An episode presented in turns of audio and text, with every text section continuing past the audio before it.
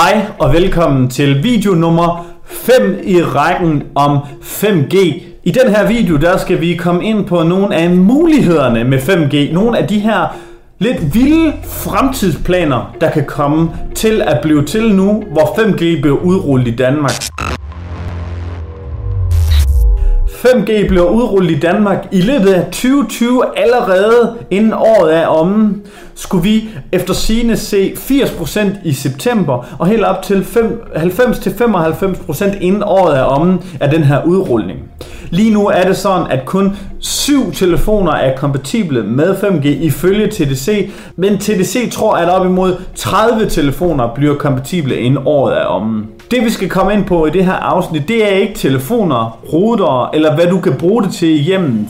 Det er de vilde fremtidsmuligheder, der ligger i 5G. Jeg tror nemlig selv, at øh, 5G er måske Elon Musks, altså direktøren for Teslas våde drøm. Det der sker nemlig, det er, at det der er unikt ved 5G, det er, at der nærmest er ingen ping eller responstid. Det betyder, at hvis vi håber eller tror på, at der kommer en fremtid med selvkørende biler, eller med andre øh, lignende ting, selvkørende traktorer, selvkørende lastbiler, eller øh, færger, både eller andet, der styrer sig selv og kan snakke sammen, så er det krævet med 5G eller hurtigere netværk. Og det er nemlig krævet med den her lave responstid. Fordi hvis du har et stort net af biler, der kører på det her 5G-signal eksempelvis, så kan de kommunikere uden nogen som helst forsinkelse med hinanden. Forskellen hvis jeg skal prøve at gøre den helt konkret. Lad os sige, at vi havde en selvkørende bil, der kører på 4G, og en selvkørende bil, der kører på 5G.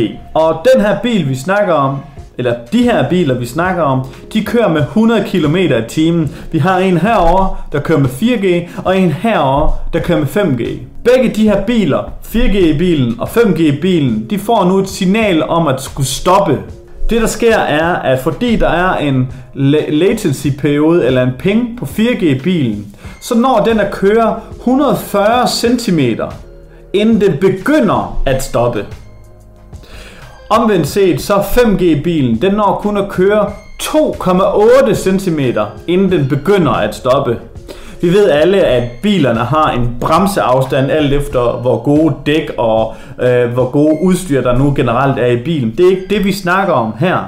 Det vi snakker om, det er, hvor lang tid, de, hvor lang tid der går, inden de begynder at bremse. Det er den reaktionstid. Et menneske, hvis vi sidder og ser noget, der er galt, så vil vi måske reagere med det samme og hammer på bremsen.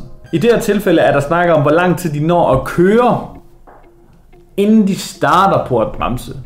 Og kan man sige, når den kun er køre 2 cm, eller når den er køre 1,5 meter, der er altså en stor forskel på, hvor sikkert det er. Især når der ikke er tale om eksempelvis motorvejskørsel, men hvis der er tale om bykørsel, og et barn løber ud foran eller lignende, så er det altså bare 2 cm, og så, starter, så bremser vi altså bare. Andre muligheder er eksempelvis cloud gaming. Vi kender til eksempelvis Google Stadia, hvor du kan logge ind og spille, selvom din computer måske er en billig maskine, eller faktisk nærmest ikke har noget hardware i sig, så kan du logge ind, og med det her abonnement, der kan du gøre brug af den hardware, der skal bruges, at der skal trækkes på, for at spille selv de hurtigste spil. I gamle dage med et 4G-signal, eller ældre eller langsommere, jamen der har det simpelthen ikke været mulighed at for at kunne komme ned under de her 150-200 millisekunders lag, eller latens, latency, eller ping, om hvad man må kalde det. Det gør, at det rent faktisk har været fuldstændig umuligt at spille et first-person shooter-spil via cloud gaming. Men nu med 5G-signalet, der vil det være muligt i fremtiden ikke længere at have computere, der er kraftigere end selv en gammel telefon, bare den har et 5G-signal. Det vil betyde, at med en telefon koblet i en eller anden form for dock, og med dit tastatur og mus, der skal du ikke bruge mere i fremtiden for at game. Jo, du skal selvfølgelig bruge en skærm, hvis du gerne vil have en større skærm at game fra. Men det her cloud gaming, der kommer til, det vil blive sammen med 5G en kæmpestor mulighed for alle. Det betyder også, at øh, gamercomputerne måske i fremtiden ikke bliver lige så stor en ting. Hvem ved, måske øh, er det abonnementerne hos eksempelvis Google Stadia, som vi kommer til at bruge. Industrien ser også frem til 5G øh, i form af eksempelvis fjernstyrede maskiner. Der er allerede nu snakket om fjernstyrede robotter uden nogen svar øh, latensperiode, og der er allerede nu snakket om operationer udført af robotter og så videre og så videre. Fremtiden med 5G er stort set uanet. Internet of Things, en ting, som vi ikke snakker rigtig meget om her i Danmark. En meget gadgets-baseret øh, ting, hvor at din toaster, din køleskab, alle dit øh, inventar i huset hjemme, det kan snakke sammen. Det vil nu også blive til en helt anden ting, hvis der ikke er den her penge i fremtiden. Hvad tror du, vi kommer til at se, og hvor lang tid tror du, der går, for vi kommer til at se nogle af de her 5G enhanced muligheder i Danmark?